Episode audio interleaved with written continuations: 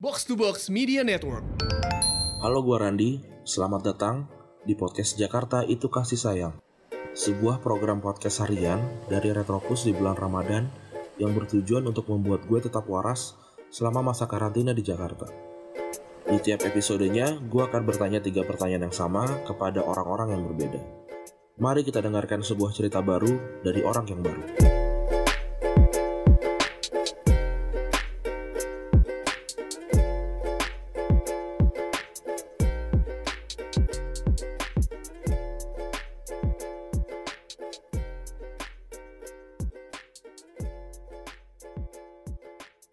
Jakarta itu kasih sayang episode ke-9 artinya sudah 9 hari berpuasa. Em, kembali lagi sama gue. Kali ini gue kedatangan orang lagi eh, yang berbeda tapi tentu saja gue cuma akan kasih tiga pertanyaan aja. Eh, tiga pertanyaan besar ini. Em, waktu gue dapat ceritanya sih eh, menarik ya.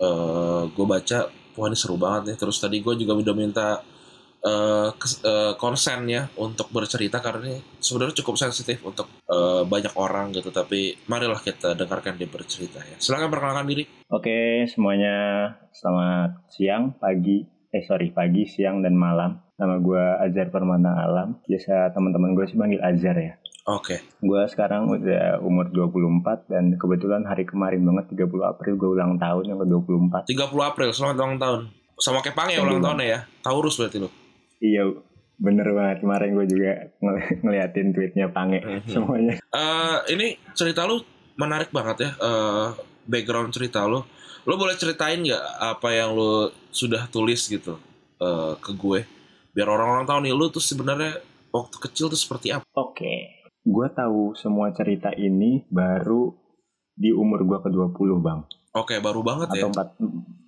empat tahun yang lalu Hmm. gue tahu semuanya cerita gue itu waktu gue masih kuliah juga gue tahunya jadi ada beberapa pertanyaan selama gue dari kecil itu gue rangkai gue rangkai-rangkai. Kok nggak nggak connect ya dari satu kejadian ke kejadian berikutnya? Akhirnya gue coba ngulik tuh gue tanya-tanya ke keluarga gue keluarga keluarga gue kenapa sih gue bisa kayak gini? Kenapa gue bisa kayak gitu? Baru tuh ketahuan bang. Di umur gue 20 gue dijelasin semuanya kalau eh, gue itu beda sama anak-anak lainnya. Dalam artian proses atau jalan gue dari lahir sampai akhirnya gue beranjak dewasa itu gue berbeda. Berbeda di sini adalah eh, gue nggak bareng sama orang tua gue lagi. Itu dari gue eh, mulai abis lahir lah. Oke. Gue nggak bareng mereka lagi. Berarti nggak pernah diasuh nih ya? Apa gimana? Sesekali pernah ketemu lah waktu waktu gue udah masuk SD tuh beberapa kali ketemu. Hmm. tapi habis itu lost kontak lagi sampai sekarang. Oke. Terus kalau masalah kejadiannya itu mungkin ini yang eh, gue nggak suka ya sama keluarga gue yaitu gue ditutupi siapa orang tua biologis gue ayah. Ayah oke. Jadi eh, sekarang lu tinggal sama siapa nih? Gue tinggal sekarang sama bude gue sih bang. Sekarang tinggal sama bude gue dari ibu berarti ya? Ya betul Berarti lo dari kecil nggak pernah tahu siapa bapak lo, tapi lu juga nggak pernah tinggal sama ibu lo gitu.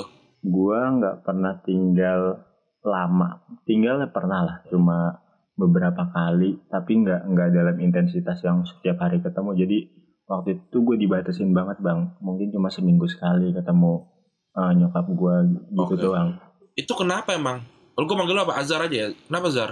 Nah gini bang, gue juga nggak tahu ya eh, problem sebelumnya di antara mereka di antara keluarga gue, tapi kenapa imbasnya di gue gitu loh? Gue nggak sukanya di situ aja. Oke. mereka banyak konflik antar eh, antar individunya tapi eh, imbasnya ke gua gue tahu sih faktor utamanya adalah kesalahan ibu gua gue tahu semua ini tuh kesalahan dari ibu gua Yaitu, yaitu ibu gua mengandung dari hasil yang tidak sah oke, berarti hamil di luar nikah gitu ya? gitu Oke. bang Terus kemudian, dari situ konflik berkecamuk di keluarga gua ibu gue diasingkan ke Sukabumi bersama lo yang masih belum lahir ya? sama sekali gue masih di kandungan waktu itu Oke. diasingkan untuk menutupi aib keluarga gue.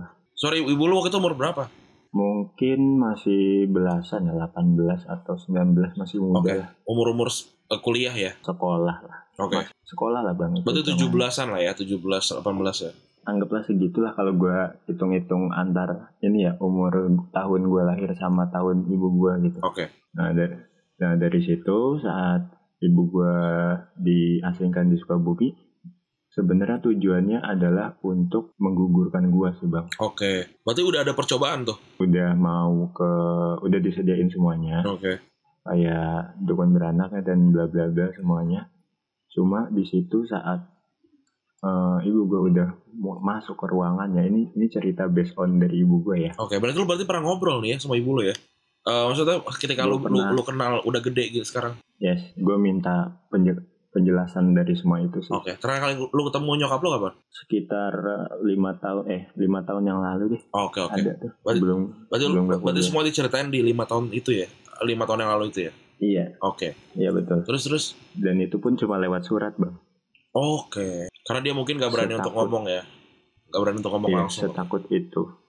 Betul, betul dijelasin tertulis semuanya yang akhirnya gue ceritain di sini ya. Mm-mm. Jadi di Sukabumi itu udah masuk ke ruangan, udah mau mulai proses untuk eh, kalau bahasa ininya aborsi ya. Mm-mm. Nah di situ ibu gue mohon untuk nggak digugurin Oke. dan diiakan oleh si dukun beranak ini. Ya oke. Dan akhirnya gue lahir di 30 April 96 di Sukabumi dengan nama Azhar Permana Alam. Nah, eh, setelah itu lu diasuh sama bude lu apa segala macam, tapi pertanyaan gue adalah kenapa eh, sampai harus digugur gitu? Apakah emang keluarga nyokap lu tuh keluarga dengan nama tertentu gitu sehingga aib nih ya walaupun semuanya memang itu aib ya, tapi maksudnya eh, apakah ada punya nama apa gimana? Kalau untuk di lingkungan di lingkungan tempat tinggal salah satu eh, ini sih bang penggerak di lingkungan sih bang. Oh, oke Ber- ber- berarti inilah ya Ya, cukup cukup tokoh dikenal lah ya tokoh masyarakat Iya. ya. Betul. Oke, eh, Betul, betul. sekarang lu tau nggak kabar nyokap lu kayak gimana? Pak, lu nggak peduli aja udah. Gue sempat nggak peduli tapi akhirnya mau gimana pun itu kan nyokap gue ya. Hmm, Dia itu di Kalimantan punya keluarga baru. Oke, masih belum punya anak juga. Gue udah nyoba untuk berkali-kali balik ke gua, ke pelukan gua, karena gue dari kecil nggak pernah dapat kasih sayang dari orang tua gua. Hmm. Gue pengen di masa-masa gue udah menjelang hmm, mungkin berumah tangga, memiliki keluarga lain, gue pengen bersama ibu gue sih bang. oke. Berarti lu nggak punya dendam ya sama nyokap lu ya? Gue nggak punya dendam, tapi dendam gue itu lebih ke ayah biologisnya gue sih. Oke, berarti eh, kalau lu nyebutin ayah biologis berarti lu pernah pernah tahu nyokap lu sebelum sama yang sekarang pernah sama eh Iya, oh gitu. Berarti ini pernikahan Iya, betul. kedua dia gitu ya? Yang sekarang ya? Eh, ketiga. Oke, ketiga. ketiga, oke. Eh, menarik juga ya. Em, gua gua nggak gua Karena yang ke gimana? ya, ya. Karena yang kedua itu selama gue hidup itu, gue yang gue yang gue tahu bokap gue kandung itu ternyata bukan bokap gue Mm. kandung, ternyata itu bokap bokap kedua gue bang. Oke. Tapi sampai sekarang lu nggak tahu siapa bokap kandung lu Gue nggak nggak tahu sih, dan nggak mau tahu juga ya. so, dan gue nggak peduli sama orang yang kayak gitu. Oh, eh, eh Zar, gue pengen nanya, gimana caranya lu tidak pun tidak menyimpan dendam lagi ya? Gue sebagai orang yang yang pendendam ya, gue pengen tahu gimana Hmm. caranya.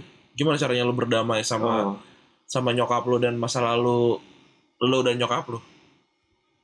eh, sebenarnya saat gue tahu cerita semua cerita itu ya bang ya, Hmm. gue tuh emosi banget bang, emosi sampai wah nangis tuh udah udah udah kayak makanan hari-hari deh waktu itu tuh. Oke, Akhirnya gue coba cari pendekatan dengan berdamai dengan diri sendirinya itu ya ada beberapa temen gue yang eh, mungkin mereka tahu gue ada masalah, cuma emang sih bang klise banget bahasanya.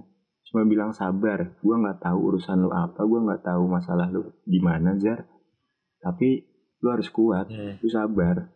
Nah dari situ gue mikir, gue nggak pernah cerita sama siapa-siapa, kenapa orang bisa ngeh? Apakah dengan dengan berbagi cerita, berbagi kisah itu bisa membuat gue tenang dan gue coba bang, Hmm. gue coba beraniin diri buat cerita ke orang-orang yang gue percaya gue gue ceritain ke semua teman-teman gue kerabat gue yang bener-bener yang bener-bener ya bang ya gue Iya. gue yakin mereka itu eh, solid dan lain-lain lah gue ceritain dan lama kelamaan ya akhirnya biasa aja bang gue nggak dendam sama sekali Tapi lama juga ya waktu waktu untuk berdamai itu ya. waktu itu dua tahun sampai kuliah gue berantakan gue kuliah di Semarang juga bang Oh, lu di, di mana? Di Undip.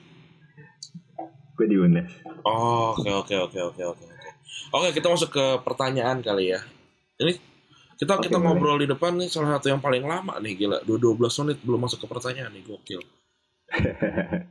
oke oke Oke, kita masuk ke pertanyaan pertama. Oke, ini pertanyaan pertama. Kalau cuma ada satu lagu tersisa di dunia, itu lagu apa dan kenapa? gue ini pernah denger ini dan baru dengernya juga pas kuliah ya Heeh.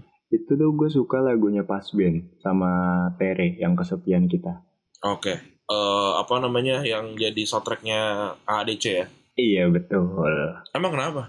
gue suka di bagian refnya itu hidup ini hanya kepingan Hmm. yang terasing di lautan Lu memaknainya gimana? gue memaknainya jadi tuh ya hidup gue gue eh, bercerita dari dari kisah hidup gue aja sih bang Hmm.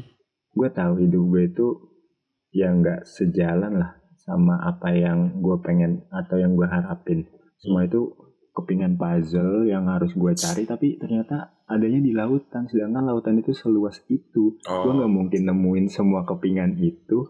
Jadi gue harus ngambil satu kepingan aja ya udah jalanin aja kepingan itu. Gak usah nyari yang sesempurna itu lah belum tentu pas juga sama puzzle lu ya, tapi ya udahlah daripada kosong gitu ya. iya daripada kosong Lu- gue dapet Eh, eh, meja puzzle Heeh. gue ambil aja satu. Lu kalau eh, sama bude-bude lu itu apa ya? Ekonominya bagus apa gimana? Apa lu kesulitan apa segala macam?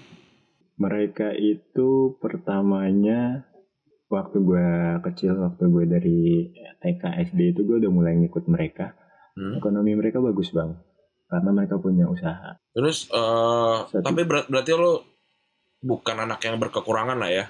bukan anak yang berkekurangan tapi dalam dalam artian gue tahu diri waktu itu Hmm. gue juga nggak tahu bang kenapa udah sekecil itu gue bisa bisa mikir ah gue nggak mungkin minta lah karena itu bukan orang tua gue Tapi lu diperlakukan seperti anak kan sampai sekarang.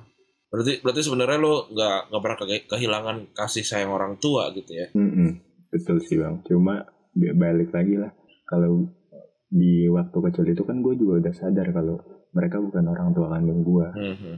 Oke. jadi ya pasti agak beda lah pasti ada ya agak kurang-kurang serap gitu Oke. Kita lanjut ke pertanyaan kedua nih.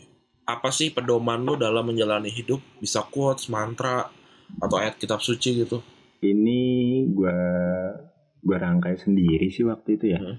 jadi gue pernah punya prinsip sebaik-baiknya pertolongan ya menolong diri diri kita sendiri Oke, gue setuju sih. Gue gue juga tipe yang nggak- ini sih, nggak- tipe yang emang semua apa eh, dalam segala hal tuh yang yang bisa nolong diri kita sendiri, ya cuma kita kita sendiri gitu. Nggak nggak boleh tuh ngarepin apa pun dari orang lain, termasuk orang yang terdekat sih. Gue juga sama setuju. gue. betul betul Kalau lu gimana tuh? makanya menurut gue ini waktu itu gue dapet dari gue gue selama kuliah temen gue cuma 8 orang bang Anjir kenapa sampai lu hitungin gitu? Hah? Sampai lu Karena- hitungin gitu? iya maksud gue gue dari dari pertama kenal masuk semester 1 gue nggak tahu kenapa nih 8 orang bisa klop sampai gue lulus kuliah Oke. Terus?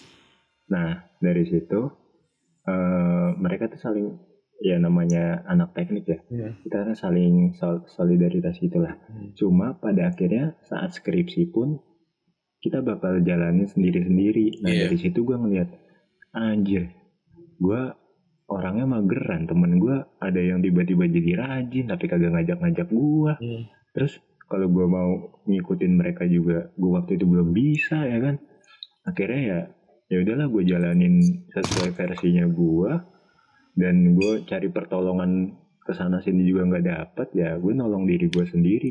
Waktu itu seberantakan apa kuliah lu? Waktu lu tahu kenyataan sebenarnya dalam sejarah hidup lu itu? IP gue langsung jeblok. Terus gue jadi jarang berangkat. Terus kagak pernah ada di kos kosan gue ngelayap ke mana tahu. Sampai pernah bang gue tuh seminggu kagak balik ke kos kagak balik ke rumah terus gue cuma ngemper aja di jalan deh Bude bude lu tuh ini ya, bude lu di Semarang ya? Enggak, enggak di Jakarta. Oke, berarti berarti lu nggak nggak balik ke kosan gitu. Eh terus Iya, gue ngerantau. Oke oke oke. Menarik menarik. Eh ya gue gua gua nggak pernah ada di posisi yang yang se, se menyedihkan itu ya gitu yang yang tiba-tiba sejarah hidup berubah apa segala macam gitu. Eh ya gue Iya sih. ya gue salut sih. Eh lu bisa bisa bertahan. Lu pernah hampir mau bunuh diri ya? Bisa kan orang-orang gitu pikiran apa enggak? Gue pernah bilang ke teman-teman gue dan mereka cukup kaget dengan statement gue dan mereka cuma bilang gila ya. Gue pernah nemuin orang-orang yang kayak lu dan mereka tuh hidupnya berantakan gitu, nggak kayak lu. Lu Iya. masih bisa bertahan sendiri kayak gini. Dan gue ngerasa gue nggak pernah ada pikiran buat kayak gitu sih bang. Kenapa emang? Nggak tahu ya. Gue masih percaya adanya Tuhan, gue masih percaya adanya surga dan neraka sih.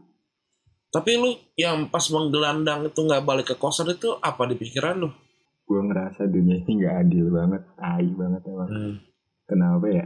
Ngelihat orang-orang tuh sesenang itu, sebahagia itu, mereka tuh bisa cerita keluh kesah mereka. Simpel deh, lu waktu itu dinakalin sama temen lu, ditonjok, dan lu nangis di sekolah waktu SD, tiba-tiba pulang cerita ke nyokap lu, nyokap lu belain lu. Hmm. Dan gue nggak pernah dapet itu bang. Iya, se yang yang sesimpel-simpel gitu ya. Iya, sesimpel itu aja gue nggak dapet apalagi yang sehedon anak-anak sekarang kan. Tapi waktu pas lo kecil itu pas lo ditinggalin sama nyokap lo terus dititipin ke bude lo itu itu di umur berapa sih?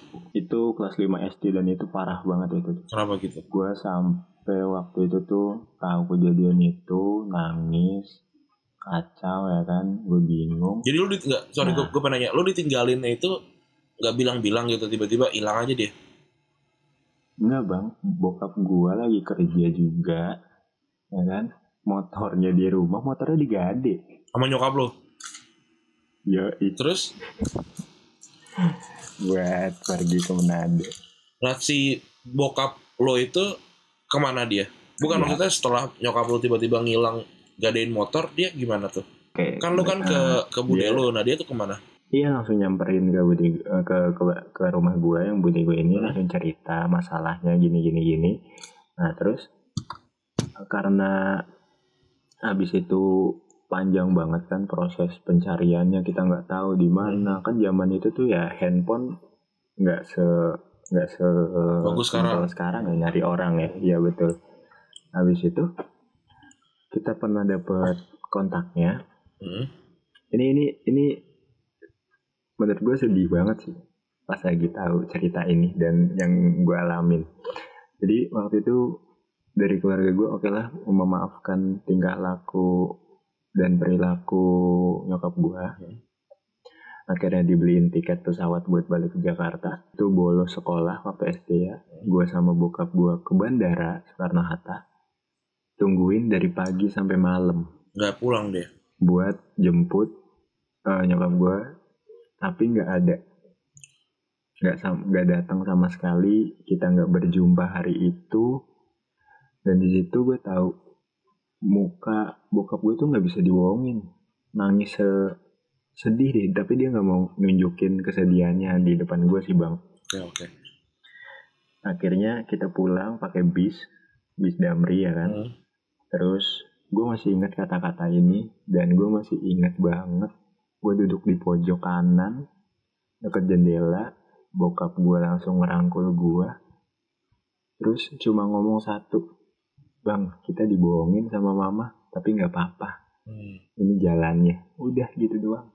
Oke, berarti gue coba rangkum. Lo waktu kecil sempat di mau digugurin terus akhirnya nggak digugurin terus akhirnya waktu eh, lu bayi lu tinggal sama nyokap lo atau sama eh, bude? gue langsung diasingin lagi. Oke, berarti lu diambil diambil dari nyokap sampai lu berumur 4 tahun apa SD kelas 4 kelas 5 tadi itu lu tetap Yes. nggak tinggal sama bokap, bokap nyokap ya bokap bokap bokap baru dan Enggak, enggak. nyokap jadi emang lu nggak pernah tinggal bareng sama mereka terus di di lu kelas 5 SD itu lu dapat kabar kalau nyokap lu kabur dengan eh, ngegadein eh, motor si bokap tiri lu itu. Iya. Terus akhirnya keluarga Betul. keluarga bok nyokap lu itu memaafkan dan ngasih tiket untuk balik eh, nyokap lu karena dia tahu-tahu ada di Manado dan akhirnya di hari itu yang hari lu cerita tadi dia tetap nggak pulang nih ya. Ya betul bang. Oke. Kayak gitu ceritanya. Terus akhirnya lu ketemu nyokap lu lagi dari situ nggak pernah ketemu lagi sampai akhirnya eh, lima tahun yang lalu gitu. Apa pernah ketemu sebelum lagi? Iya betul lima tahun yang lalu pas kakek gue itu di rumah sakit selama 9 bulan. Oke, berarti lu selama lu hidup lu baru ketemu dia itu eh, semenjak lu, lu punya ingatan itu di umur sekarang 24 berarti 19 tahun ya. Ya 19-20 lah. Ya betul. Oke. Gokil juga ya. Dan lu juga nggak dapet nggak dapet ke jelasannya langsung dari mulut nyokap lu karena dia nggak berani dia nulis surat gitu ya. Iya. Wah, Cuma lewat surat. Gokil.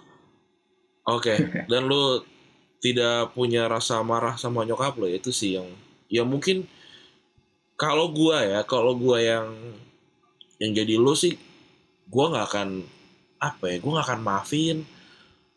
Terus juga gua mungkin kalau teringat nama nyokap gue gitu gua bakalan apa tertrigger atau segala macem gitu kali ya. Kok Susah emang bang buat buat berdamai itu prosesnya lama sih Iya. menurut gue. Susah sih memang. Oke, kita pertanyaan terakhir nih. Apa yang berubah dari hidup lo semenjak pandemi COVID ini terjadi? Oke, gue malah lebih ngerasa kerja gue lebih produktif. Emang lo kerja di bidang apa? Technical advisor, Hmm. jadi ngurusin kerusakan-kerusakan dan analisa eh, benturan ya Hmm.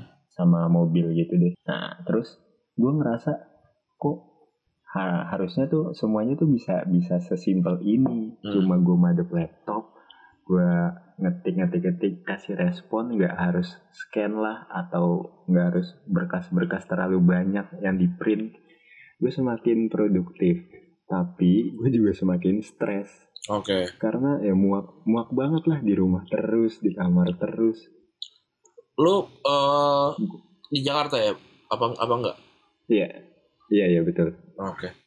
Eh, berarti berarti malah justru pan- pandemi ini malah, malah bikin santai ya.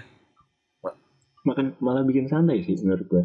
Tapi kalau masalah ekonomi ngaruh nggak? Gue gajinya masih sama, tetap Hmm. nggak ada pengurangan, nggak ada penambahan apa pun sih. Jadi tercukupi lah bang. Oke. Terus terakhir nih, lo punya rencana gimana nih sama nyokap lo?